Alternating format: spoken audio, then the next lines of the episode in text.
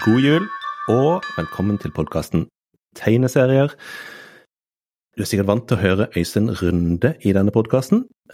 Du er også glad for å høre at Øystein Runde kommer tilbake i neste episode, men akkurat denne episoden her er en bonusepisode fordi det er desember, det er jul, og vi har fått eh, utrolig masse julehefter til redaksjonen. Eh, så de skal vi snakke oss gjennom i dag. Vi håper du blir med oss. Eh, for det er ikke bare meg som er her i dag. Jeg har med meg eh, to kollegaer, to kritikere, eh, som jeg skal introdusere nå. Jeg skal bare først si at jeg heter Walter Vehus og er redaktør for Empirix.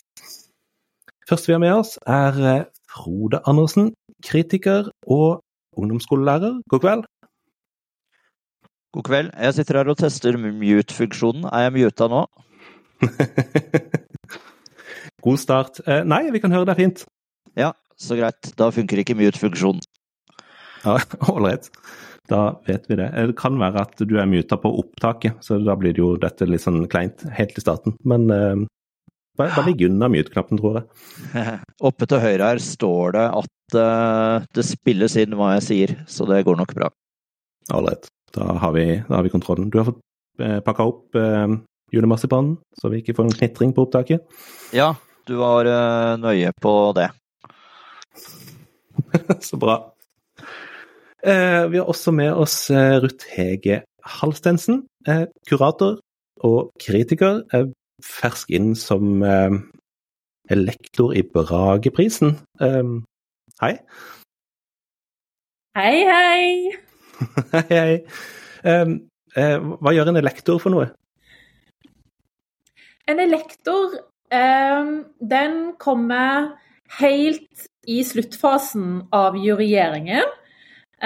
Så det vil si at det, det som er jurymedlemmene i Brageprisen, sine fire ulike kategorier da, Jeg satt i det som er barne- og ungdomsskjønnlitteratur. Juryen går jo gjennom si fem, et sted mellom 50, 60 og kanskje mer eh, titler som gis ut i løpet av et år, og som forlagene melder på for å delta i Borgerprisen. Og så har juryene de lager da en shortlist eh, som de mener alle er verdige vinnere av prisen. Og så er det da et elektorat som eh, er anonyme, og som ikke møter hverandre. Man får ikke vite hvem man sitter i elektoratet sammen med. Men da skal vi lese de fire titlene, og så skal vi gi dem en poengsum mellom 1, 2, 3 og 5. Så det har vært min jobb i år.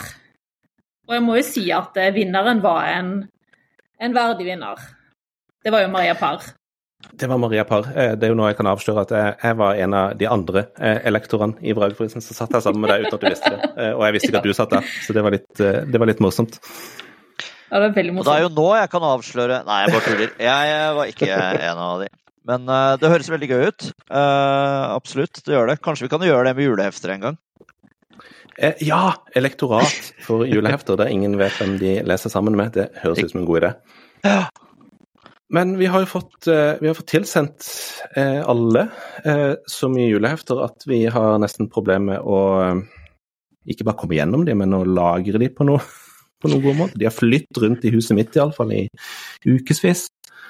Jeg har nesten slutta å telle det. Mer bare sånne julehefter måles i kilo for tida. Men har dere inntrykk av at det er, er, det, er, det litt færre i år, eller er det bare noe jeg tenker? Jeg syns det bare blir flere og flere, eller iallfall mer og mer. Og det er jo kanskje litt uh, at jeg nå legger merke til alt som fins. Um, at, uh, at, jeg kanskje ikke helt la merke til uh, Unni Lindell og Anne B. Ragdes julehefte tidligere, fordi jeg var liksom veldig sånn Nei, det er, det er tegneseriejulehefter som er julehefter, mens nå når vi ber om å få alle, så får vi jo alle. Og så er det jo, det er jo mange Donald og Disney-hefter, og det er to Pondus-hefter, og det er både Knoll og Tott og Kapteinens jul, så uh, jeg vet ikke, hva, hva savner du? eh, nei, det er alltid noe jeg savner. Mer bare sånn generell følelse. Ja, det er dritmasse, men uh, Men det var enda mer før? Det, det var enda mer før. Jeg vil Shit. si at Uh, jeg har jo ikke en så lang tradisjon med å lese julehefter som dere har, men ut ifra forrige gang vi leste alle sammen, så må jeg si at jeg, jeg opplever at det, det, er et mindre mangfold.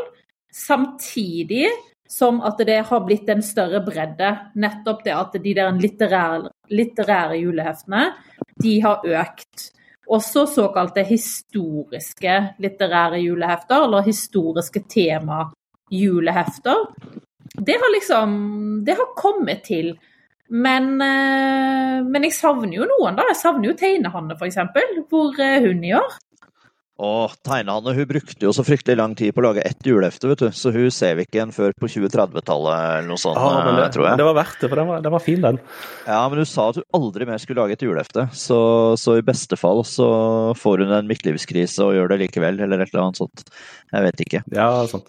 Savner Tegnehanne. Savner uh, Intet nytt fra hjemmefronten. Ja. Nettopp! Den var fin. Og og apropos det, uh, og ja, ikke sant, nå, det, nå handler det plutselig om uh, kjønn, men på stakkars Strand forlag da, så har jo både da Hanne Sigbjørnsen og uh, Therese Eide, er det vel hun heter, som lager Intet fra hjemmefronten, uh, kasta inn håndkle. Men i tillegg, det er jo ikke noe Selda-julehefte, så det er jo blitt skikkelig pølsefest, kjenner jeg noen som ville kalt det, på Strand forlag. Uh, at det bare er, bare er, gutta som lager julehefter. Og det tror jeg i utgangspunktet ikke Strand Forlag er uh, interessert i, kan du si. Men uh, nei, det var, det var, litt spesielt at alle de som har kasta inn håndkle, var kvinnelige tegneserieskapere. Nei, det kan du si. Det har jeg ikke tenkt på. Det har jeg tenkt på gjennom denne uka jeg har lest. og det er jo den eneste Derfor ble jeg veldig glad når Nemi juleheftet kom i går. Eh, endelig en kvinne som eh, også leverte et julehefte. Så det, den eh, kom i siste time. Ja, sant. Ja, var det i lunsj? Det, det, var litt Å ja. Sorry, Walter, Nei. men jo, jeg bare Der i lunsj så er det jo litt grann intet nytt fra hjemmefronten. Um, og det, det syns jeg var veldig artig. Uh, så vi, vi, er ikke vi er ikke ribba for alt fra Therese Eide, hun bare har ikke eget uh, hefte. Nei, sant. Nei, det jeg skulle si, er jo, eh, Vi har jo gjort dette en gang før, i 2021 eh, om jeg husker rett. Eh, så Det er jo snart en tradisjon at vi tre leser juleheftene sammen. Eh, og Det som er litt gøy, er at vi har jo litt sånn ulike juleheftetradisjoner, oss tre. Eh, for min del så var jo altså julehefter når jeg var liten, eh, da var det på 80-tallet. Da var det lille julaften. Da dro meg og min far på butikken på en kiosk, og så kjøpte han Hårek og Billy, tror jeg det var. Eh, av disse her klassiske juleheftene i sånn liggende format med sånn søndagssider. sant? Eh, og på 80-tallet så var vel det omtrent det som var eh, av julehefter. Eh, og det var den eneste gangen i året vi hadde tegneserier hjemme hos oss. oss jeg, jeg, da min far kjøpte, han hadde Asterix ellers, men eh, det var alltid gøy når min far kjøpte det. sant? Eh, men etter hvert så har jeg blitt fullstendig miljøskada som tegneseriekritiker. Eh, de siste 15 årene har jeg vel fått hvert eneste eh, julehefte som blir gitt ut i posten allerede i oktober. Så jeg tror jeg har lest veldig mye mer julehefter og skrevet mye mer om julehefter enn de fleste andre gjør. Og sånn vet jeg at det iallfall ikke er for, for deg, Ruth Hege, for du har en litt annen innfallsvinkel på dette. Ja, jeg har ingen tradisjon med julehefter overhodet fra oppveksten. Ikke som, ikke som, jeg kan huske. Eh, så for meg så er det mer sånn at jeg, jeg, går dette, jeg går inn i dette som et prosjekt igjen i år, og dykker ut Altså jeg er på en måte en litt sånn outsider som titter inn i en tradisjon som er helt fremmed for meg. Og jeg tenker at det, det har sikkert Det er sikkert mange ting jeg ikke fatter av, av eh, universets interne regler, men jeg tror også det er fint å ha nettopp det blikket utenfra, og så se på hvordan ting, eh, hvordan ting er i dag, da. Fordi mange av disse eh, mer klassiske juleheftene eh, de er jo fra Altså, noen av de er jo fra, eh, 70 år gamle, ikke sant? Eh, så det, det er litt min jeg, jeg, går inn i det med en veldig sånn åpent og nysgjerrig blikk, da. Men, men, ingen, nostal liksom men ingen, nostalgi. Ingen nostalgi. Nei, jeg satt ingen nostalgi. Du er liksom den for lytteren der ute som ikke har noen sånn særlig juleheftetradisjon, som bare sånn, står i butikken sånn hva, hva, i alle dager skal jeg kjøpe uten at jeg må ha lest dette i 20 år for at det skal gi meg julestemning, så kan liksom du gi den lytteren svaret, og det er veldig fint. Men du Frode, du, har, du er vel et sted midt imellom, kanskje? Eller hvordan var det da du var liten? Nei, jeg, jeg slukte jo tegneserier. Eh, og, og, samtidig så var det Vi var ikke sånn at vi hadde noe abonnement på Donald eller noe sånt. Eh, men eh, hadde blader, kjøpte brukte blader. Jeg tror vi må ha fått brukte blader av folk vi kjente eller et eller annet. Og drev og bytta inn på en butikk i Tønsberg som het Sølvpilen, faktisk. Der du kunne bytte mm. inn to for ett. Så hvis du kom inn med to bæreposer med blader, så gikk du ut igjen med én bærepose med blader. Um, og, og julefter var en del av det. Jeg lånte jo tegneserier på eh, biblioteket, så jeg tror kanskje at det jeg leste mest av, var liksom uh, tegneserier som ikke var helt nye. Uh, kan du si da. Altså ikke de der som man gikk i butikken og kjøpte, men at akkurat med julehefter så ble det kanskje litt som Eh, hjemme hos dere, Walter. Bare at jeg var ikke med i butikken og kjøpte de. De ble kjøpt, og så ble de lagt under juletreet, og så fikk jeg de til julaften. Eller kanskje jeg fikk det litt før uh, julaften. hvilke hefter var det? Uh, nei, altså Det eneste jeg kan huske, er faktisk uh, Fant. Fant julehefte, av en eller annen grunn. Men det tror jeg bare er en, at det var generelt sånn mye Disney-hefter. Uh, at, at, det kanskje var mye mye Donald, men også type Tom og Jerry har vi jo liggende i bunken her, da. Og de seriene som jeg vet at jeg likte den gangen, var jo sånn Hakka Hakkespett og Rosa Panteren, men jeg kan ikke huske noe Hakka Hakkespett og Rosa Panteren og Puser. jeg kan ikke huske noe, noe julehefter med, med, de, egentlig. Men, men jeg, jeg, leste liksom alt mulig ja, av, av, tegneserier, eller av de tegneseriene som jeg faktisk likte, da, som i all hovedsak var Donald, og så var det litt sånn andre uh, univers også, med tegneserier som, som jeg tenker i enda større grad enn Donald er, uh, er for barn, da. Donald jo, mm. har jo ingen øvre aldersgrense, kan man si. Mm. Men eh, vi har jo, for, bare for å gjøre dette litt eh, lettere for oss sjøl, så har vi jo liksom lagt disse her i litt sånn mentale bunker underveis. Eh, kanskje litt sånn fysiske bunker også, hvis jeg skal snakke for meg sjøl. Yep. Eh, så hvis jeg grabber over her, så har jeg faktisk Donald-bunker Donald her.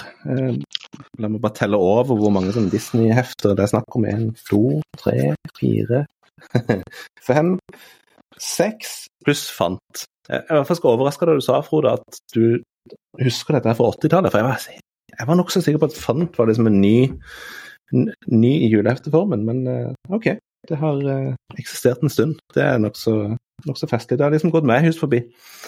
Ja. Det er det som er litt gøy med julehefter også, at folk husker helt forskjellige ting og har liksom ulike ting som gir, gir de julestemning, da. Av, eh, av, disse ulike heftene. Ja. Nei, altså um, det jeg tenker på, de der man nevner, da, som er sånn uh, Hårek og Finnbekk og Fia og de seriene der uh, Jeg drev jo og leste de det, jo, det, gikk jo i ukeblader. Som uh, vi hadde hjemme, og som besteforeldrene mine også hadde. Så jeg leste jo alltid de... og hjemme, tror jeg. Ja, ikke sant. Ja. ja. Så jeg leste jo alltid de tegneseriene i de ukebladene. så jeg tipper jo at jeg har fått en del Blondie og Snøfte Smith og Finnbekk og Fia-julehefter eh, opp igjennom, men at jeg bare er, er, usikker på om jeg har lest de som julehefter, eller uh, hvor eller hvordan. mm. Men, uh, men, de også leste jeg, og det var jo en sånn greie at det, det må jo ha vært en nesten sånn manisk. Jeg var, jeg var liksom manisk, for jeg skulle lese tegneserier selv om det kanskje ikke nødvendigvis akkurat var for meg, og om jeg ikke syntes det var så spennende. Uh, det var en eller annen sånn føljetong i min lokalavis Tønsbergs Blad som jeg aldri skjønte noen ting av, men som jeg absolutt skulle lese likevel. så uh, det var en slags sånn hangup uh, der. Husker du hva det var?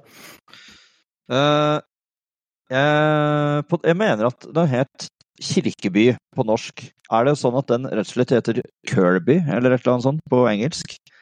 At ja, Oversatt Ja. det til Kirkeby. Kanskje. Det var en slags detektiv eller journalist med, med briller med kraftig innfatning, og så skulle han løse et eller annet mysterie. Ja, kanskje. Så skulle han løse løse et eller annet mysterium, mysterie, men så var det bare tre ruter av gangen. Og det var, liksom, det var enda verre enn Fantomet, uh, som også var tre ruter av gangen, og, og det var vanskelig å skjønne noe. Men uh, i Fantomet mener jeg å huske at jeg liksom klarte å holde tråden. Jeg kan, jeg kan allerede høre i bakgrunnen en, en sverm av oppklarende e-poster som er på vei fra tegneserieentusiaster som husker dette her eh, med Ja, ja, ja, stor så eh, glede. Ja, ikke sant. Å, du snakker om Tønsbergs Blad i 1988. det var jo Ja. Men, men, Mm. men la oss ta, ta en titt på, på, på Donald-heftene her. Eh, Jeg sitter med dette her um, Jul på 80-tallet. Ja. Eh, hvordan, hvordan var det, Ruth Hege, du leste ikke så mye julehefter, men eh, Donald, har du Donald leste du? Ja, ja Donald leste jeg. Eh, min eh, mann bladde gjennom dette bladet her og fikk en veldig sånn Han ble dratt rett tilbake. Han bare 'Jeg husker den annonsen. Jeg husker den. Jeg husker ditt han, han var, For han så var dette sånn uh, Det var den der en uh, uh, Praus Prost sin mandelkake, liksom. Han var, han var der inni promptet med en gang. Ja, sant, for det de har gjort Eh, så- her, de har rett og slett bare trykka opp Ja. eh, hele Altså fire hele blader, inkludert forside og annonser og, og, og bakside. og det hele, inkludert fortsettelseshistorier og, og alt. Og du kan se hvem som vant modelltog eh, i konkurransen eh, for en måned siden. ja, Det Så dette er jo Jeg vil jo si at dette nesten er et konseptprodukt, da. Sånn, det er det jo. Altså, det er jo den Ja. det er jo det nærmeste du kommer å, å reise på hytta og, og finne liksom gamle Donald-blader i, i V-kurven og, Ja. og bla gjennom de på nytt. Ikke sant?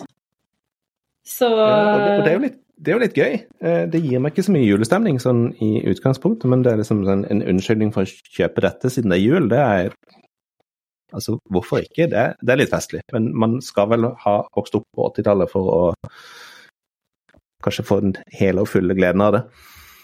Dette tror jeg er for eh, oss, altså vår generasjon. Eh, jeg tror at eh, barn Altså, vi kan stå og liksom fòre de med Se, sånn så det ut i gamle dager. Eh, men jeg tror ikke på en måte dette er magasinet for de. Men det er vel også sånn at kanskje juleheftene er vel Altså, hvem er juleheftene for? Er de for barn, Ja, eller er de for voksne? Er det, er det nostalgisk produkt? Eh, og hvilke er det som er mer nostalgiske enn andre? Dette er jo, som sagt, jeg, opplever dette som et konseptprodukt. Det er jo helt fantastisk at du kan åpne opp, og så plutselig er du ti år igjen, eller sju år igjen, og huske at du så Altså ikke bare at du så husker fortellingene, men at du husker annonser. Det er, det er jo Norsk Folkemuseum, liksom. Ja, ja, visst er det det. Ja. Og sånn, se, de klarer ikke å farge helt innenfor strekene. Sånn var det da jeg var liten. Ja, oh, det har jeg også notert meg. De der uh, missene der med farger som er helt på, på avveie. Uh, det er jo jeg, jeg vil ikke påstå at det har, har sin sjarm, men uh, jeg skjønner jo at de ikke har sittet og, og, og fargelagt eh, fortellingene på nytt igjen. Eh, men en ting jeg har notert, da, som jeg syns er, eh, er bra med, med Donald fra gamle dager Jeg følger ikke så mye med på Donald nå. Jeg tror nok de bruker en del av de samme karakterene. Men jeg har notert meg at her er det noen sånne skikkelig kvalitetskarakterer. eh, Sånn som Spøkelseskladden. Ja, han veit jeg eh, vi finner et annet hefte i, i år, da. Et annet julehefte. Men så er det liksom Superlangbein og Gulbrand Gråstein og sånn. Dette er sånne karakterer som jeg syns er veldig kule Donald-karakterer. Um, Gulbrand Gråstein er jo en sånn nemesis for Skrue, eh, og mens, mens B-gjengen liksom bare er en sånn eh, gjeng eh, kriminelle som nærmer seg og er ute etter å stjele penger, så syns jeg det som er kult med Gullbjørn Gråstein, er at de, de konkurrerer. da. Skrue og Gullbjørn Gråstein konkurrerer. Uh, og Skrue klarer jo aldri dette her uten Donald og uh, guttene, så jeg syns det blir veldig kule og bra historier av det, da. Eh, Og hvor mye av det som er nostalgi, jeg sier kanskje 70-80% men, men, uh, men at jeg likte å lese, da. Syns det var liksom uh, Ja, det er gøy når du liksom skal ut på eventyr og sånne ting. Ja, og det var det som var så gøy med altså Du, du nevner det jo, eh, men eh, du nevner ikke med navn. Det er Donald Juledetektivene. Eh, som er liksom det norske Donald-heftet. Eh, ja, av manus av Knut Nærum og Knut Nærum, Arild Midthun og Tormod Løkling. Eh, ja, det var en fornøyelse å lese. Ja. Det var kjempegøy! Det var kjempegøy. Ja, og når jeg slo opp, så var liksom den store tegninga inni omslaget der, med liksom hele skurkegalleriet. Altså, det, ja. det er Mikromidas og Farlige Fiffus. Og det, det er Ørnulf Ørn, og det er Skaftetrynet. Og, ja. og det er Magika. Og det er han derre han der sleipingen fra Vikinghjelmen og advokaten hans, som jeg ikke husker hva heter. Mm. Eh, så, så, først så tenkte jeg liksom sånn Alle disse er med i dette heftet, dette blir det beste noensinne. Eh, og så var det ikke det, da. Men, men, likevel så var dette her såpass eh, gøy, syns jeg. Eh, ja. altså, det er jo litt sånn uvanlig å se Donald og Mikke og Langbein i samme tegneserie. Eh, ja, jeg trodde det, det, liksom trodde sånn det var sånn rar, liksom liten sjanger. Jeg trodde det var liksom to forskjellige Andeby-univers som ikke skulle blandes uh, sammen. Men uh, ja, det liksom når det er gjort, det. så funker det jo, da. Um, og så syns jeg vi må jo kanskje understreke da, at uh, i hvert fall jeg, og jeg tror mange kan være enige om det, at det er jo 18 år på rad at uh, den der uh, gjengen med norske gubber lager et dødsbra Donald-julehefte. De er kreative, og, og, det er topp kvalitet, liksom. Ja, altså, jeg, jeg, skal ikke, jeg, skal ikke, si at, jeg skal ikke si at jeg elsker alle. Eh, det har jeg ikke. Eh, noen av de har vært litt sånn derre jeg føler at i år så har de bare gått inn for å ha det gøy. Altså Her er spøkelseskladden som skal stjele en gullstatue, og spøkelsesjegerne skal fucke han. Og det er, liksom, det, det er, bare moro, det er bare action, det er kjempegøy. Ikke noe Ja, det, det er liksom ingenting annet, og det, det elsker jeg. Ja, og uten å spoile for mye, han spøkelsesklanen har jo blitt helt sånn supervillain, så det var jo kjempegøy å, å se han få utfolde seg på den måten. Mm. Yeah. Ja, jeg syns også enig i det dere sier, at her, her, har de hatt det gøy. Og det, det, liksom fortellingen sitter, det er action fra første rute. Og jeg syns også tegningene er veldig bra. Jeg syns liksom mimikken til folk er, er passer veldig godt. Det, det, var veldig gøy å lese denne. Det, det gikk veldig kjapt å lese denne, lese denne forteller, dette heftet, da. Fordi det var page turner. ja, ikke sant. ja, så det er topp tre for meg. For meg. Eh, vi skal sikkert komme tilbake til en sånn endelig en endelig kåring hvis jeg skal anbefale ett eller to hefter sånn helt på slutten, men uh, enn så lenge. Dette her var kjempegøy. Mm. Eh, altså, jeg, jeg blar meg litt nedover i Donald-bunka. Altså, jeg får litt den følelsen av at de har bare lagd så mange Donald-hefter fordi at de håper at noen skal kjøpe feil og kjøpe det dårlige. Eh, men det som er litt sånn derre Her er juleløvenes konge med Simba som skal lage juletreff. Altså, hva er dette her for noe? Det har jeg også notert meg. Det blir ikke tynnere enn en Løvenes konge-juletegneserie. Det, det er Nei, altså Jeg gikk ganske hardt ut da vi spilte inn dette her for to år siden og sa at eh, det, var, det er noe i bunken her, altså 2021-bunken, da, som, eh, som, eh, jeg ikke forstår at de våger å kalle julehefte. Og dette er for all del et, julehefte, men, men, å komme med Løvenes konge-julehistorie når det er så mange Donald-julehefter og Walt Disney-julehefter, da blir det tydelig at her er det litt om å gjøre å få gitt ut uh, mest mulig. Ja. Så jeg tenker at det er ikke det at det nødvendigvis er for mange uh, julehefter, men at det er noen julehefter som skiller seg negativt ut, som gjør at du får en litt sånn følelse av at nå er det for mange julehefter. ja, og dette her, bare for ordens skyld, dette her er det som heter uh, Walt Disneys julehefte. Ja. I tillegg så har vi jo Donald Duck og co. julehefte, God jul, ja. eh, som var helt dreit, Liksom Nabo Jensen-krangling og en gal professor, det er jo alltid gøy. Apropos favorittkarakterer, Nabo Jensen er en av mine favoritter. Han er jo fullstendig psykopat. Han er jo blanke i om Donald eh, dør eller uh, hva som måtte skje. Det er uh, Ja, nei, han tror jeg, jeg tror jeg hadde noe mareritt om han da jeg var liten, faktisk. Fordi han var så slem. ja, sant. Eh, altså, altså Karl Barks jul er jo også alltid sånn derre eh, klassiker som man gjerne plukker med seg fordi at man vil ha et eller annet gammelt og nostalgisk. Altså, det er ikke alle juleheftene som har sånne forord eh, i år. Altså, jeg føler det er litt lengre mellom eh, de litterære forordene i årets julehefter, men akkurat i dette her så er det Knut Eide som skriver at eh, her har man et eksempel på Shakespeare eller Ibsen i serieruter. Noe som kanskje har trukket litt langt, men det er fortsatt gøy. Eh, Ruth Hege, ja. hvordan eh, tenker du om Karl Barks som en eh, som ikke har hatt disse her i jule, julehefteform de siste 20 årene, sånn som noen andre? Ja, eh, nei for meg så er det rett og slett Jeg syns det er veldig koselig. Eh, jeg merker jo at eh, Og særlig med denne innledningen, da, som for meg setter det veldig i sammenheng. Da vet jeg hvor jeg er, og hvor vi skal.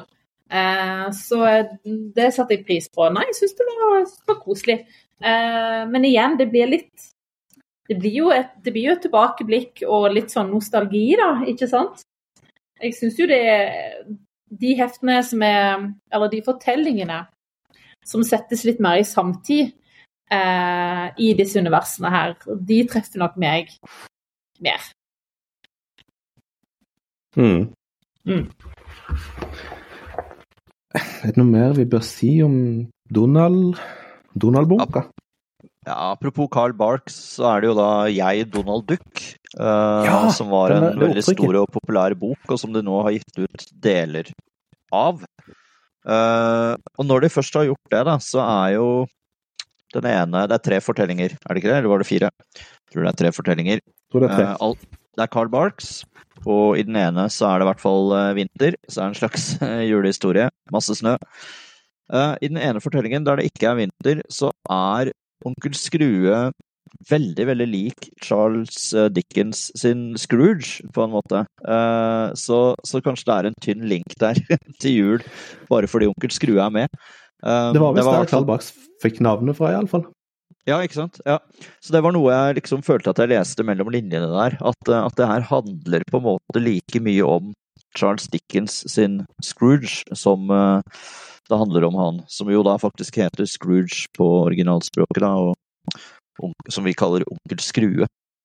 Uh, men dette er jo uh, Det er jo i utgangspunktet ikke et julehefte, men, men så ble det liksom litt relevant likevel, da.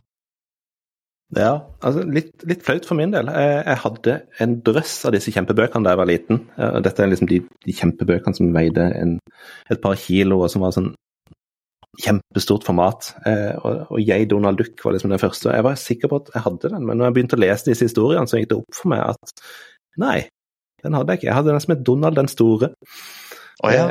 med litt andre historier. Men denne her hadde jeg aldri. Eh, og det var veldig fint, fordi at ifølge forordet her, så da de ga ut den store boka eh, for eh, i starten av 80-tallet, så hadde de italienerne som ga ut boka, de hadde liksom kutta i serien og fjerna noen ruter og korta ned, rett og slett.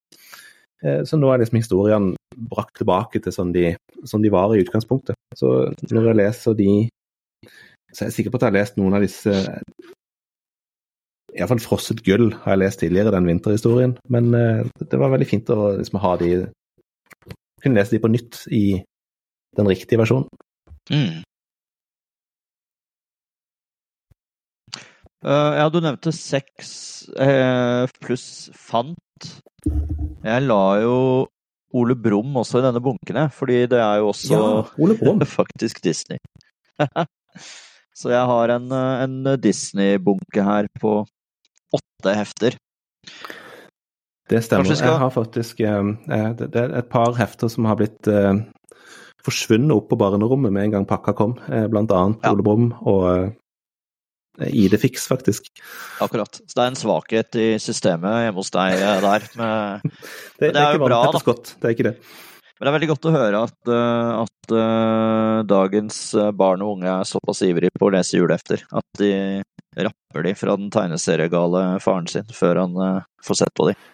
Ja, altså det, det, er litt Jeg har lyst til å si det om, om det ID-Fix-albumet, fordi at det, det, er jo litt rart, sant. Altså ID-Fix, hunden til Obelix, kompisen til Asterix, er plutselig alene i det samme universet og befinner seg i Paris rundt 49 før Kristus og slåss mot romerske hunder sammen med en hundebande. Og det er liksom Det er litt rart, og det er litt tynt. Eh, er det Idefix origin story? Det er det jeg ikke helt har funnet ut, om dette her liksom før han møter Obelix, eller om det er noe sånn derre et annet univers. Eh, gudene vet. Men det, det, er, det, er, to ting som er litt gøy. Eh, det ene er jo for oss som har lest masse Asterix, så dukker det jo hele tida opp sånne eh, bifigurer som vi kjenner igjen fra, fra de gamle historiene. Eh, han Byplanleggeren er der, og en skurk fra Marseille og litt sånn forskjellig. Eh, og den andre tingen eh, Jeg hadde jo egentlig avskrevet dette her som litt sånn tullete Ja ja, ID-fiks, det, det, er helt streit, men har dette her noe her å gjøre? Men hjemme hos oss har det vært gateway drug for Asterix-serien. Aha. Altså, min åtteåring eh, har nå lest de, de, de to ID-fiks-albumene 20 ganger hver, og har begynt på de gamle ja. Asterix-albumene, som hun sluker rått. Nydelig. Det er jo kjempemessig. Ja. Og jeg har prøvd lenge å liksom sånn Se her, Asterix, det er kjempebra, du må lese denne. Nei, jeg vet ikke helt. Så, å, Idefix, har vi mer av dette? Ja, det har vi faktisk. Bare vent litt. Så er vi nå i gang. Ja, ikke sant. Hva blir neste da? Viggo, og så Sprint, og så Tintin? ja, sant. Altså, hvem vet. Tinn, ja, sprint, tinn Mye å velge mellom. Ja. Uh, ja. Skal vi, Skulle vi, vi komme tilbake på... til til slutt hva folk faktisk burde kjøpe, da? Ja, jeg tror vi tar en runde sånn helt, uh, helt på tampen. Bare sånn, hvis du skal anbefale et hefte, hva skal det være? Ja. Men jeg har lyst til å ta fram den bunka her som jeg har, som er rett og slett de Det jeg tenker på da, som de klassiske juleheftene. Eh, her snakker vi om Blondie, eh, Tust og troll, Billy, Kapteinens jul, Smørbukk, Stumperud, Knoll og Tott, Jens von Bustenskjold Liksom hele den gjengen der. Eh, og her er det jo det som er litt sånn med julehefter, som vi har vært litt inne på, at det er jo litt sånn forskjellig hva som er tradisjon for ulike folk. Eh, så for min del er jo noe det første jeg alltid pleier å gå til når jeg får julaften, er jo gjerne det er, det er, rart med det, men av en eller annen grunn så er ofte Blondie. Det, det, det, er et eller annet med det, det, er, det er så enkelt, men samtidig er det veldig omstendelig, den humoren. Ja, eh, har den serien sånn, alltid vært så rar? Jeg syns det, det, er så er rar handling. Ja. ja. Eh, det er liksom bare et sånn ektepar i en forstad eller i en stor by i, i USA eh, som bare har sånn vanlig liv, men det er sånn sånn Altså, hva, hva, er det som skjer? Det er eh, det skjer veldig mye på en sånn side, syns jeg. Det er sånn oppkonstruerte ganske... problemer. altså sånn, eh, ja, Blondie ja. skal liksom ut og så handle, og så skal hun kjøpe bær. Men så er det sånn Men jeg vil at mannen min skal se dem først. Ja, ingen problem, sier bærhandleren. Og bærer hjem to paller med bær som han mister oppi badekaret. Ja, for der ligger han. Ja, der ligger han. Ja. Uh, og så blir hun sur sånn- når hun kommer hjem og lurer på hvordan i alle dager dette skjedde.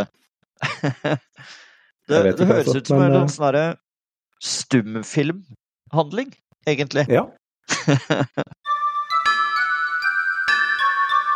da har vi sett litt på Blondie-heftet, men uh, hva annet enn vi har i bunker her, egentlig?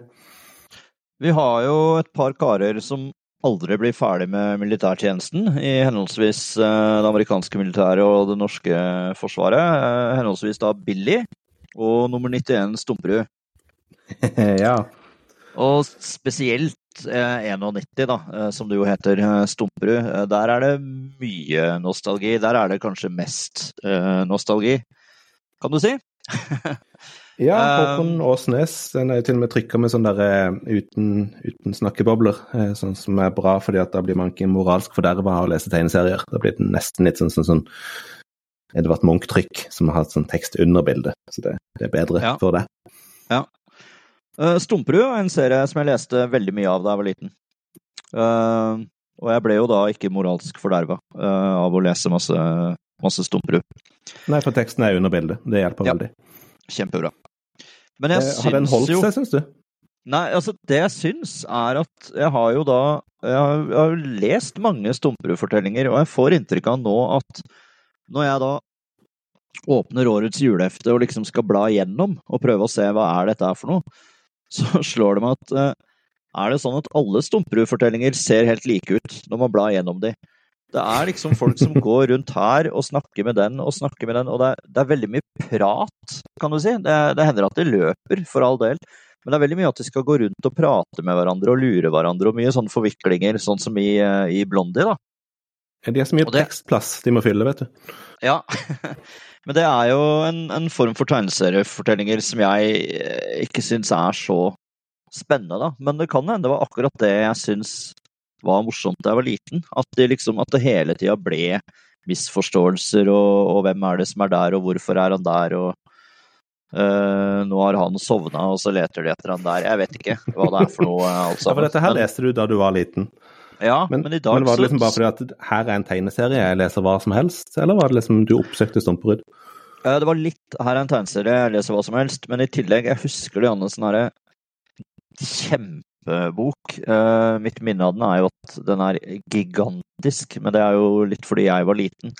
Eh, Men med Stumperud fra liksom langt tilbake fra Ja, hvis det var et slags 50-årsjubileum, da, eller whatever, liksom, og fram til 80-tallet, så var det dødsmye Stumperud. Og, og den lånte jeg jo på biblioteket og, og tok med hjem og leste hele. Hmm. Jeg tenker at Så jeg må jo Ja, at jeg, jeg likte det jo godt nok til det, på en måte. Så et eller annet var det der. Jeg har ikke helt den fascinasjonen nå. Nei, sant. Nei. Den andre som du nevnte, Billy, den, eh, den var jo liksom Den var min eh, eh, det, det var det juleheftet vi alltid hadde da jeg var liten.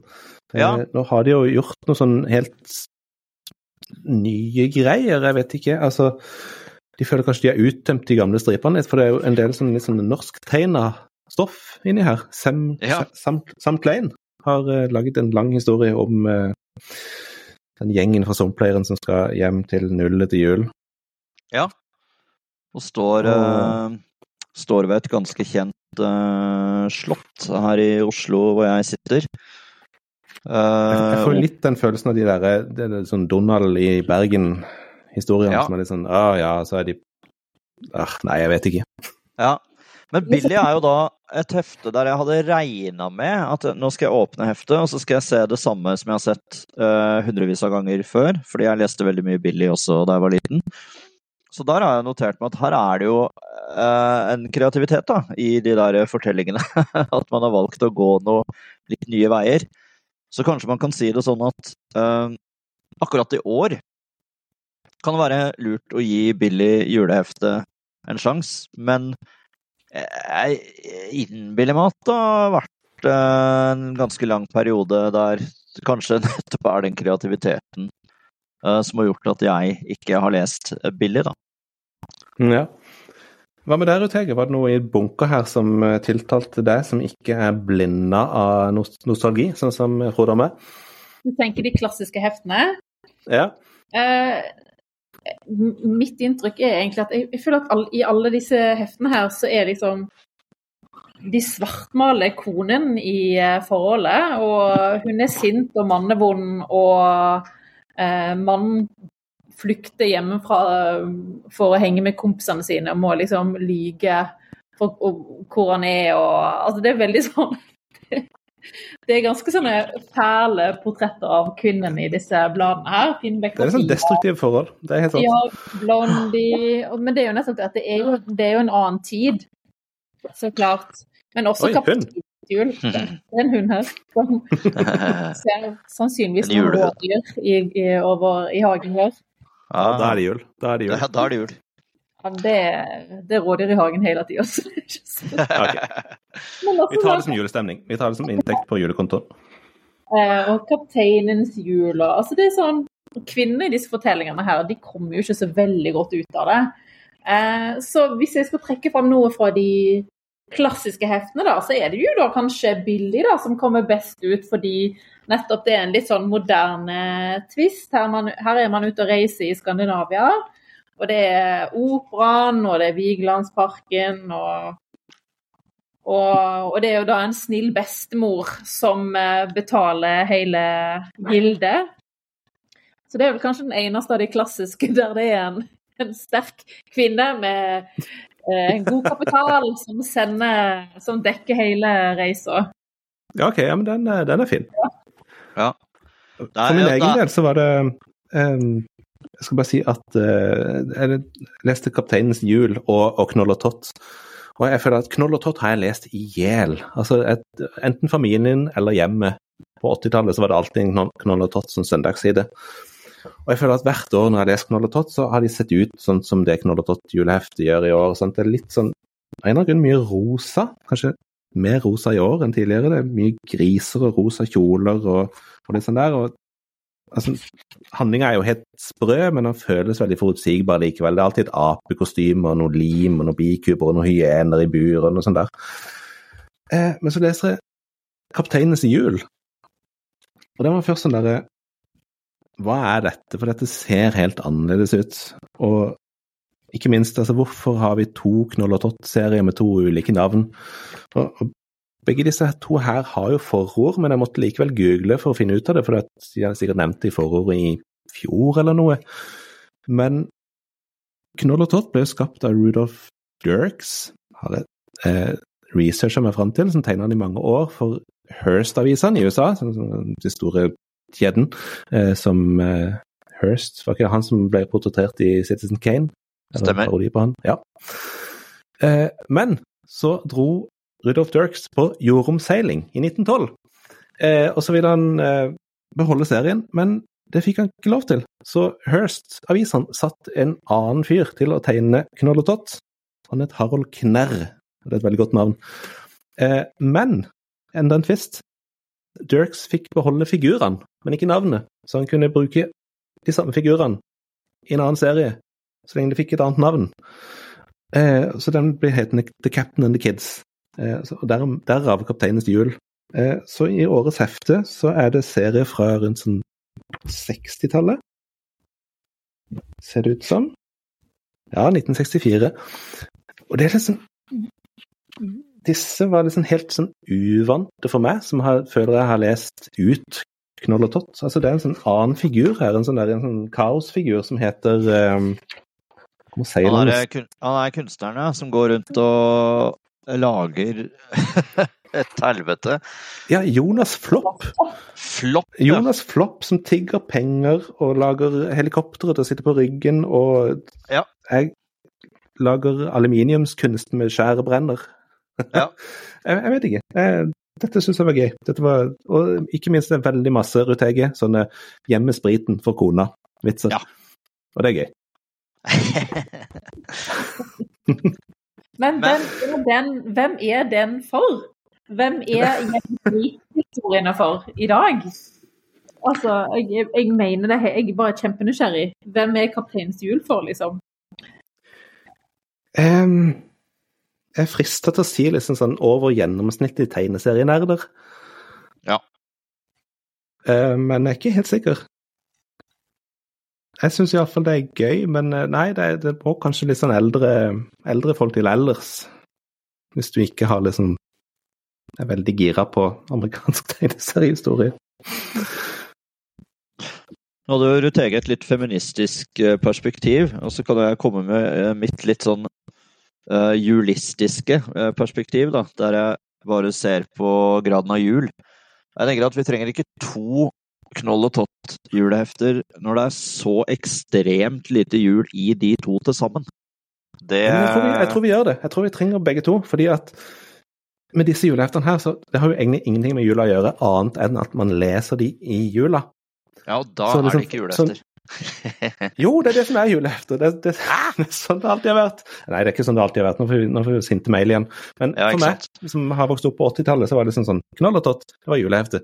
Da er det jul. Ja. Når vi leser Knoll og tott. De feirer ikke jul engang, men sånn er det. Så for de som liksom trenger Knoll og tott, den, den, rosa versjonen fra i år, for å komme i julestemning, så, så må de ha, eh, ha, det bladet. Men for de som vil ha Kapteinens jul, som jeg ikke har vokst opp med, men som jeg syns er gøy, så må de liksom ha det juleheftet. Og, og samme er det sikkert grunnen til at de gir ut dette rare heftet som heter Juleklassikere.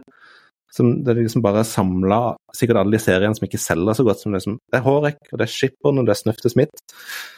Jeg syns Hårek er den eneste som er god, for det var den jeg leste da jeg var liten. Eh, men, jeg elska eh, Snøfte Smith da jeg var liten. ja, der ser du. De så så rare ut. Dette er jule, juletradisjonsprodukter. De ser veldig rare ut. Ja. Det er derfor jeg ikke liker de. Men hvis folk Hvis, hvis jeg ser Braveheart hver jul, er Braveheart da en julefilm? Ja. ja. Ok, jeg gir opp. I min bok er det, er det sånn dette er, jo, dette er jo fullstendig anarki. Nei, nei, nei. Altså, for meg så er liksom Disney sine helaftens tegnefilmer er julefilmer, fordi at de pleide alltid å komme i jula. Vi gikk på kino i desember, og så så vi de, og der var det snø ute, og så var det jul. Skjønner, skjønner, skjønner. Julefilm. Men tida løper fra oss, og vi har enda ikke snakka om alle de norske stripeseriene. Å, fytti katta. Og de er mange av. Eh, det er en del av de. Det er, det er Pondus, det er Lunsj, det er Nemi, det er Døns, det er Storefri. Og Rutetid. Eh, og det eneste jeg vil si eh, Det er ikke det eneste jeg vil si, men jeg vil klage på en ting. Jeg vet ikke om dere husker Jeg vil klage på mange ting, egentlig, men jeg vil klage litt på Pondus. fordi at i fjor Jeg vet ikke om dere husker juleheftet til Pondus fra i fjor. fordi at da eh, Det er jo disse to brødrene som heter Teddy og Eddie, som er liksom en del av det litt sånn ferske persongalleriet til Frode Øverli. Og, og, hele juleheftet handler om at mora di slapp, slapp ut fra fengsel. Eh, og så startet hun liksom en diner som skulle være hangouten til den lokale mafiaen. Eh, og liksom, han, han, bygde skikkelig opp at dette her er liksom, dette er en ny sånn bigreie som skal skje i Pondus-universet. Og så forsvant det. Og så jeg, jeg, jeg, vet ikke hvor hun er. Jeg vet ikke hvor den dineren er. Jeg nesten ikke det, jeg føler jeg har lest alt som har kommet av Pondus siden da, men det er borte. Du er litt bekymra eh, for hvordan det går med henne, rett og slett? ja, jeg vil vite hvordan det går med henne. Og ja. Pondus-juleheftet her er liksom, det, det, det er fint. Det, det, er litt, det, føles litt som et Pondus-blad. Det er et par biserier som er morsomme, og så er det noen helt streite, vanlige striper. Eh, mm. Det er greit nok. Det kunne absolutt eh, vært like gøy som i fjor, for da var det veldig gøy. Ja. Nei, altså, men det er jo um, Jeg må jo si at Frode Øverli er en Uh, såpass For det første en såpass etablert serietegner, men også såpass stødig i det han gjør, at uh, jeg også hadde jo regna med, når han da introduserer et nytt element, at han faktisk følger det opp. da. At det er noe man på en måte kan forvente av Frode Øverli. At det er litt sånn uh, når Pondus, eller um, da Pondus sa opp jobben som bussjåfør og, og kjøpte seg en pub, så var Pondus pubeier, og har vært det nå i, i mange, mange år allerede. Det var ikke bare sånn nå lager jeg noen striper der Pondus kjøper seg en pub, og så plutselig er han bussjåfør igjen fordi jeg blåser i kontinuitet. Så, så jeg er helt enig i at uh, det, det, må være lov å, å, kritisere og sette fingeren på, på det. At uh, på en måte har lovet noe som eh, han har Ja, han har nok skuffa deg, Walter. Skuffa deg, rett og slett, Øverli, denne gangen. En annen ting som har skuffa meg, siden vi først er på, siden vi først er på Pondus og har lov til å klage litt, siden vi er kritikere. Eh, ja. klass, klassiske julehistorier er jo en sånn eh, litt sånn finere julehefte med litt sånn flat rygg, som, som ja. Strand Forlag har gitt ut de, de senere årene, der de liksom har samla alle de, de, fine, lengre Pondus-julehistoriene. Eh, ja. De har vært kjempefine. Jeg har, jeg har, jo hatt alle de gamle albumene, men, men, likevel hadde det vært fint å liksom ha de i sånne nye samlinger. Eh, og i år så er det tydelig at nå er de tomme for klassiske julehistorier. Det er de. Så, eh, så, så liksom, er, de har jo på en måte bare endra hele konseptet. Eh, ja, nei, altså jo. De, de, kaller det fortsatt klassiske julehistorier, men alt handler om forholdet mellom Frode og Camilla, som jo var episk. Det var opptur og nedtur. Jokke og Camilla men, eller Frode og Camilla? Unnskyld, Jokke. uh, men ja. ja. Nei, jeg vet ikke. Nei, jeg, jeg tenkte at uh, her har de, har de, rett og slett endra konseptet. Fordi, og, og jeg tenkte Fins det ikke allerede en bok om Jokke og Camilla? Eh, eller er det bare noe jeg innbilte meg, og så har de sittet og tenkt det, og så ja, ja, vi kjører det som julehefte. Jeg veit ikke. Men uh, nei, det ble Føler de har tatt en spansken der, altså. Det som er kanskje litt fint med den klassiske julehistorier, eh, er vel de der en kortnovellene til uh, Ole Gutten. Ja. Det er jo litt sånn hidden gems. Det Ikke sant? Det, Det, Det eh, julestemning. det løfter det kanskje litt, da. Mm. Eh, ja. Men det er vel det, Det jeg som syns også Fortsett. Ja, er det som jeg tenker, på en måte, hvis man skal snakke om denne kategorien som vi er inne i nå, som er liksom stripene Så det som, det som gjør at jeg liker Det som skal til for at jeg liker de bedre enn de andre, altså av heftene, er når du merker Når du merker at julestemningen liksom lister seg fram i fortellingen. Mm.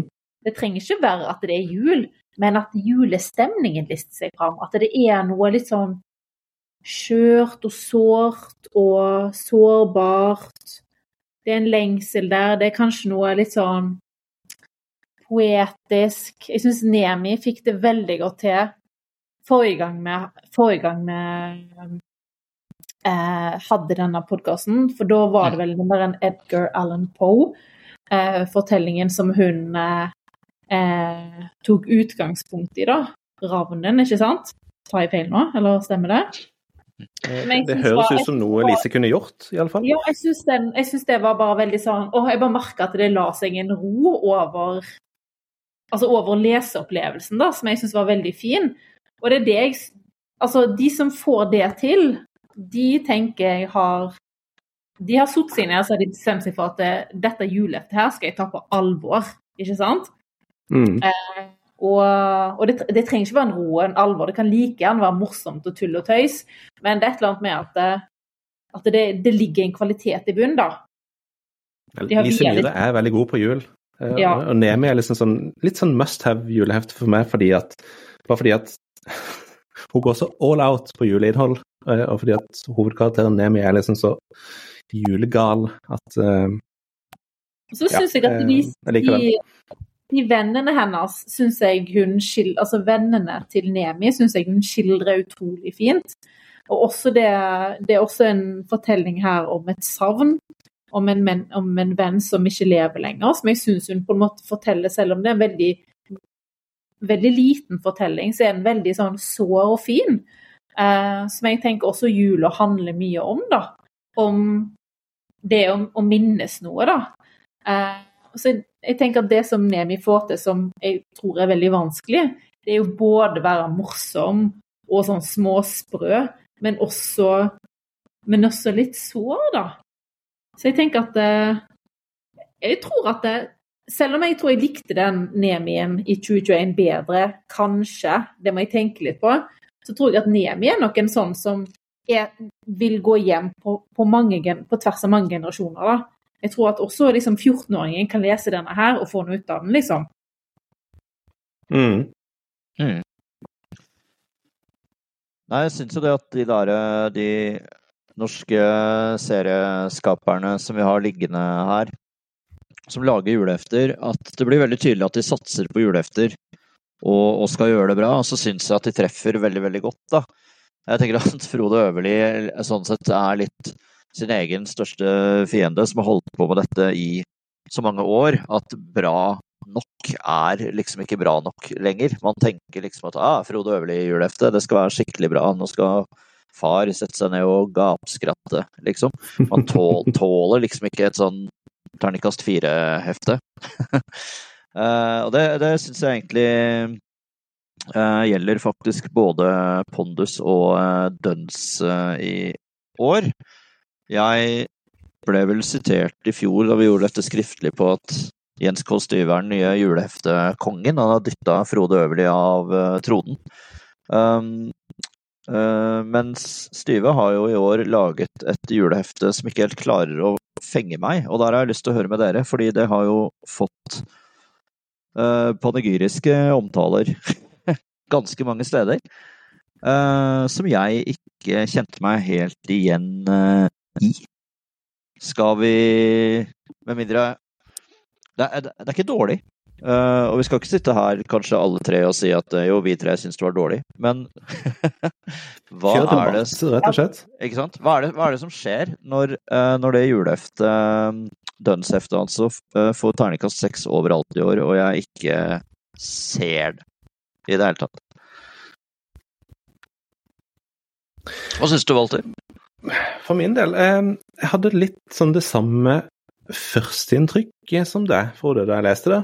Mm. Um, så det er jo strålende godt tegna. Eh, ja.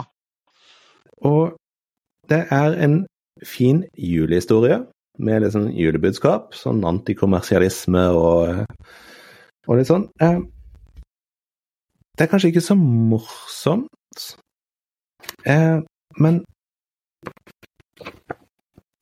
det blir litt sånn at sammenligna med de andre norske juleheftene som er i år, så syns jeg Duns kommer veldig godt ut, nettopp fordi at det er så, det er så sabla godt håndverk i den serien at jeg blir bare litt sånn glad av å lese den, og litt sånn programforplikta til å bare hente den fram og si at dette her, dette her er veldig Dette er veldig godt lagd. Ja. Eh, samtidig som jeg vet ikke helt. Det, det er en liten gåte. Det er dens julehefte i år, for min del også. Jeg vet ikke hva du syns, Ruth Hege? Uh, jeg er enig. Uh, Duns er nok det heftet som uh, Når vi leste forrige gang, som jeg likte veldig, veldig, veldig godt. Uh, og det var nok det heftet jeg også gleder meg mest til å lese. Nettopp bare på grunn av at det, vi, vi, følger denne faren og hans uh, kule gutt, liksom, i Tromsø, vel. Jeg, bare sånn, jeg liker utgangspunktet veldig godt. Eh, så jeg, var, jeg, gleder meg. jeg syns han tegner veldig fint, og tematikken er jo viktig. Men kanskje fortellingen ikke helt sitter. Jeg tror det er der det ligger for meg. Så når jeg, jeg har jo ikke lest disse anmeldelsene som har vært veldig positive. Ehm, så tror jeg kanskje at det, kanskje det er det de fanger opp. Da, at det er, det, det er jo en, det er jo et godt håndverk her. Ehm, men kanskje at det, fortellingen i seg selv ikke nødvendigvis krever vi for mye av døds. Er det det? Har vi blitt kravstore? Jeg tror, jeg, tror, jeg, tror, det. Jeg tror, jeg tror, det ligger mye der, fordi at, nettopp fordi at Jens K. Syve har blitt så god at ja. uh, han har blitt den nye Frode Øverli, som du sier, Frode. Uh, også ved det at vi krever, uh, vi krever mye her. Jeg tror, vi, jeg tror, de fleste som først liker Duns, har en viss eierskap til det, kanskje. Og jeg mener, det er jo det beste komplimentet du kan få, da.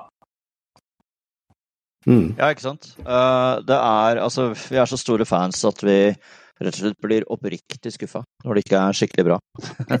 Men så er det jo dette at det er, dette altså den selve den hovedfortellingen i juleheftet, det handler jo veldig mye om musikk. Og tegneserie om musikk, det blir veldig mye at man, man tegner masse, masse noter i tegningen og i snakkebobler osv. Så, videre. så du, du får jo på en måte ikke formidla musikk så godt gjennom tegneserie, da. Uh, jeg syns jo musikk funker veldig godt på film, og, og veldig dårlig i tegneserier. Uh, så jeg tror det var der jeg liksom ikke helt klarte å, å hekte meg på. Det kan være et godt poeng. Det var akkurat som det var et lydbilde der som, som også skulle hente meg inn. for det er, det er flere steder at det er ekstremt Eller at dialogen egentlig er helt fraværende, og at det er masse som skjer på musikkfronten. Men musikkfronten blir at jeg leser noter. Mm. Altså, vi må, vi må la døns være døns, eh, rett og slett. Fordi at jeg vil gjerne nevne eh, Vi må iallfall nevne Flåklypa-heftet, fordi at eh, det er i år skrevet av en eh, ny mann. Eh, det er rett og slett eh, Øyvind Sagåsen, også kjent som Flis, som lager Radio Gaga. Eh, et blad som gikk inn for eh, litt siden, dessverre, fordi at det var veldig morsomt. Eh, og han har nå skrevet Flåklypa julehefte. Det største komplimentet vi kan gi der, er kanskje at det er ikke så lett å merke at det er en ny forfatter. Det er det er litt, litt oppdatert. Det er en influenser her. Jeg føler at han tar litt sånn Asterix sånn det, det, kommer en, en, fremmed til landsbyen som skal splitte befolkningen. Litt som i Byplanleggeren eller uh, Ulkefiks eller uh, noen av de der. Uh, så det var for så vidt fint. Men det, Flåklypa har jo også slitt litt med at det er ofte det samme som skjer hvert år. Det er han er Blodstrupmoen, og så er det han synske fyren som er skurker, og så skal de gjøre noe, og så skal de andre slåss mot de. Eh, så det er også to hovedhistorier i, i bladet her som kanskje ikke helt De har ikke noe med hverandre å gjøre. Det er eh, Reodor skal få motorsaga til å virke, og på den andre sida så skal Petter Stordalen bygge hotell. Og de trådene møtes vel egentlig aldri i heftet. Nei, det er kult hvis Sagåsen har liksom noe helt annet på, på hjertet, da, som han vil gjøre med Flåklypa. Liksom få inn blonde, pene influenserdamer og, og, og, se hva som skjer da, uh, i grunn. Så jeg tenker at uh, Nei, det er jo kult hvis han bare får fritt spillerom med den serien. Uh, du omtalte han som en ny mann, og det er jo da så klart i, i Flåklypa. Han er jo en ja. gammel traver, eh, rett og slett. Eh, erfaren eh, tegneserieforfatter. Så tenker at han sikkert kan gjøre veldig mye bra med Flåklypa-universet, sånn i et lengre tidsperspektiv også. Mm. Tida løper litt fra oss. Vi må straks velge favorittene våre, men før vi gjør det, er det noe mer Eh, vi må nevne om årets striper. Stripejuleheftene. Skal vi snakke litt om lunsj? Vil du snakke om lunsj? Som, ja. uh, trekker inn uh, eh, AI i, uh, i bedriften. ja, hva syns du om Kjell redder jula? Nei, altså, Kjell redder jula er jo aktuelt. Blodaktuelt!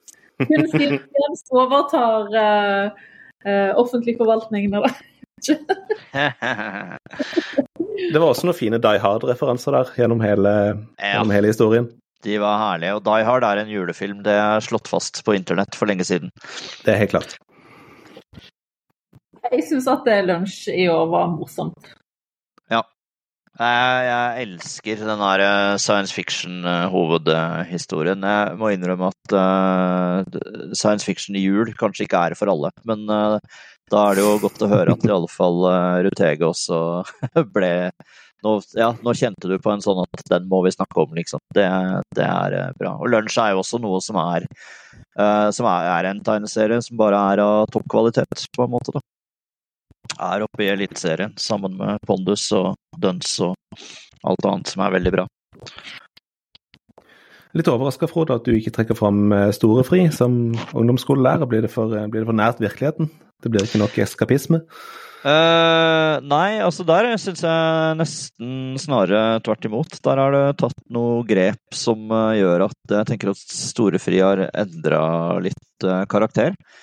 Han derre Vidar, som jo er en interessant karakter, som gir litt blanke i, i, jobben og mye rart. Han går rundt og drikker øl på jobben foran elevene. Og det Storefri har på en eller annen måte klart å handle om ting som faktisk skjer på skolen, men som er helt syke, men som faktisk skjer, liksom. Uh, ja, ok, Vidar drev også og lot elevene rette prøvene sine selv, og dermed fikk alle sekser. Men det er egentlig bare et lite steg videre fra hva som skjer når man sier til elevene nå skal dere drive med egenvurdering eh, og hverandrevurdering, og så påvirker det kanskje karakteren litt hos enkelte lærere som, eh, som gir litt blanke, eller er veldig uerfarne, eller et eller annet. Men uh, jeg syns det, det, var veldig rart at, at, han plutselig skulle stå og åpne øl i klasserommet og gå rundt og drikke øl på jobb, og de andre kollegene reagerer og sånne ting. Da ble det en helt annen serie. Og, og at liksom var Ja, eller jeg syns det bare er rølpete. At det liksom var, og det var overraskende. At det var liksom rølp som skulle dukke opp og, og gjøre at Storefri tok, tok, et steg i en ny retning. Fordi Storefri er en tegneserie som har hatt da liksom Det er enkeltstriper her og der som er sånn som lærere klipper ut og henger opp på veggen på kontoret sitt. ikke sant? Fordi det er den derre ene gutten som går gjennom skolegården og føler seg så knøttliten, og så er det en som sier 'øy, kul genser', eller 'kul skjorte', eller hva det er for noe. Og så føler han seg bare så utrolig mye kulere, fordi det er én som har sett han og gitt han en, et kompliment eller en positiv kommentar, da. Som er bare så, så fullt av hjerte, eh, rett og slett, og så bra. Eh, så, så jeg tror det er veldig viktig eh, å liksom kunne beholde det. Og, og det, det, er jo ikke det at det ene nødvendigvis utelukker det andre, og kanskje det bare er en sånn helt personlig ting. Men for meg så er det ikke en tegneserie om norsk skole lenger. Uh, når ikke kollegene tar tak i denne læreren som går rundt og pimper øl, og bare bærer han ut i bilen sin, og, eller en taxi, eller et eller annet. Det bare, det, for meg så ble det kjemperart. Og det høres Kanskje det høres teit ut for folk som ikke jobber som, eh, som lærer, men uh, uh, Ja. Nei, jeg vet ikke. Det er liksom Kjell skulle begynt å drikke sprit på jobb fra kaffekoppen? Uh, ja, jeg hadde, jeg hadde nok syntes det var teit og rølpete, det også, i så fall. Egentlig. Men mm. Mm. Ja. Men tiden er kommet. Vi er nesten i mål. Men Tenk så mange hefter vi ikke har snakket om. Tenk så mange hefter vi ikke har snakket om. Flere kilo med hefter ligger her ubesnakka. Sølvpilen. Sølvpilen. Men vi har vært gjennom, noen vil si, det viktigste. Men hva vil vi trekke fram som de beste? Altså Disse heftene blir jo dyrere og dyrere hvert eneste år. Vi er vel oppe i en god hundrings for, et, for de tynne av disse heftene, og mer for de tykke. Så, på et lite budsjett, hva skal man prioritere? Hva ville du kjøpt, Frode, hvis du skulle hatt ett hefte? Bare ett hefte? Ja. Uh, jeg, uh, jeg, hadde nok uh, tatt Die Hard-referansen allerede på forsida, jeg. Kanskje da jeg hadde sett Lunsj i julen 2023. Kjell redde jula. kjøpt lunsj, tatt med meg hjem og og gapskratta og, og elska det. Uh, så sagt på en annen måte, da. Um, at det er jo et julehefte du trygt kan kjøpe til andre. Kjøpe i gave til andre. Uh, jeg fikk jo dobbelt opp fra Strand forlag i år, takk for det. Så uh, donerte da den ene bunken til en kompis som fylte år for litt siden. og da visste jeg at det var med god samvittighet gode hefter, og spesielt lunsj. Hmm. Ålreit. En god anbefaling til lunsj, eh, Rutege. Hva vil, du, hva vil du ha valgt? Å, det er vanskelig, får jeg bare velge én, eller kan jeg få si litt om tre? Nei, begynn med én, så ser vi. OK. Ja, men altså, jeg likte jo, jeg likte jo lunsj veldig godt, jeg også. Eh, det var en morsom fortelling, og jeg syns persongalleriet i lunsj er Altså, du blir forelska i alle sammen. Eh, og denne AI-historien er jo de, de, har jo til og med klart å gjøre den litt skummel. Eh, det er litt sånn eh, fremtidsdystopi her. Eh, så den, den, den, historien sitter, kombinert med at persongalleriet er jo helt nydelig. Så det er førsteplassen, da. OK. For min egen del så tror jeg rett og slett det må bli eh, juledetektivene med, med Donald. Eh, den norske, norske Donald-historien i år. Nettopp fordi at altså det vi snakker om, det, det, er så fine skurker, det er så fine tegninger. det er så eh, De har åpenbart hatt det så gøy når de har lagd historien, og det, det smitter eh, når jeg leser den. Så dette her er vel det heftet som jeg kommer til å lese minst to ganger til i løpet av jula, tror jeg. Da gjenstår det bare å si takk. Takk til dere for at dere var med, Frode og Hege. Det er jo en fryd å være med. Det er jo et privilegium å få lov til å lese disse juleheftene her. Eh, og det, de skal jo leses igjen og uh, Det er ikke alle som får lese så mye julehefter. Nei. Og så må jo de deles. De må jo deles med, med andre. Ja. Det er, eh, Det er et ærefullt oppdrag som jeg går inn i med ærefrykt, rett og slett. Og, og sitter og doterer og, og syns Jeg er jo sånn som syns kategorisering er vanskelig, så jeg er veldig glad, Walter, for at du bare skar gjennom før vi trykka på rekk og sa at her er de fire bokene vi deler det inn i. For da fikk jeg en litt bedre, bedre oversikt over disse kilovis med julehefter. Skal vi oppfordre lytterne til å gå bananas i et eller annet kommentarfelt og, og, og kjefte på oss og si at nei, det er dette juleheftet som er det beste, eller er det lurt Kjeft å la på oss i kommentarfeltet, på Facebook, på empirisk.no. Vi vet ikke nok om julehefter, vi vet det. Vi vet knapt hvem Rick, Rip Kirby var, og vi er iallfall ikke lest opp på Knoll og tott-historie. Men sånn må det også være. Vi kan ikke kunne alt, men sammen kan vi mye. Du finner hele tida nye tegneserieanmeldelser på empirix.no, og som sagt så vil Øystein Runde være tilbake på podkasten Tegneserier om ikke lenge. I mellomtida, god jul. God jul!